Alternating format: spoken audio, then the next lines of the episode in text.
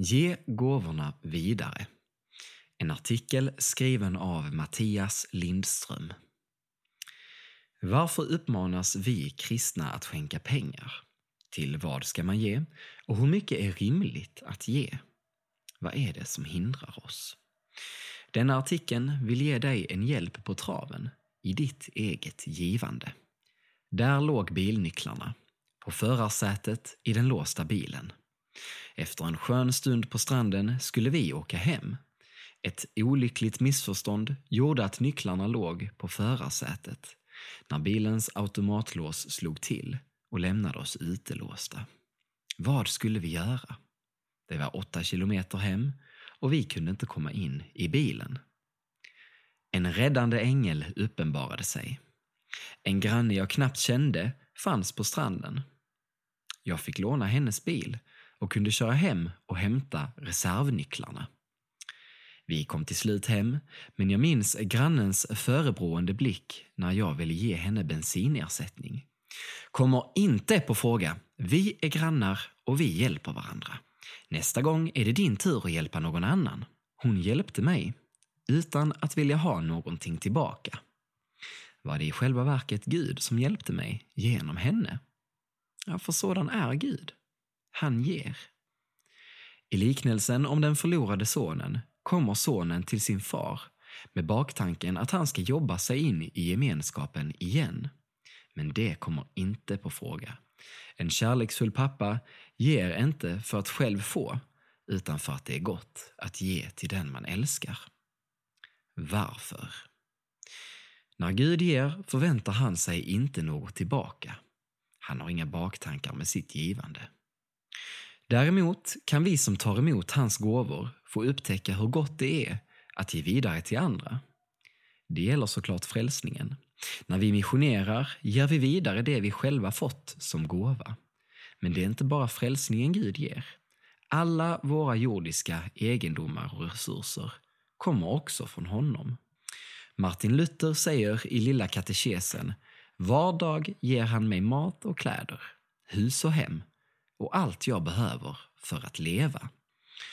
Om nu Gud ger mig frälsningen och jag får ge den vidare är det väl rimligt att tänka att jag på samma sätt ger vidare av det jag behöver för att leva, alltså pengar.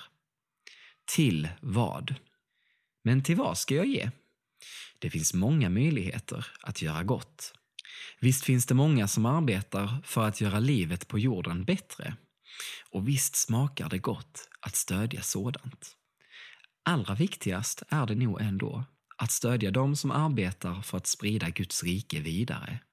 Missionsorganisationer, församlingar, missionsföreningar. Det får ju inget, eller ett väldigt begränsat stöd, från staten. Vem ska stödja dem om vi kristna inte gör det? Hur mycket? Hur mycket ska man då ge? Det finns inga bud om detta i Nya testamentet. Under det gamla förbundets tid var det en plikt för Guds folk att ge tionde, det vill säga 10 procent av intäkterna.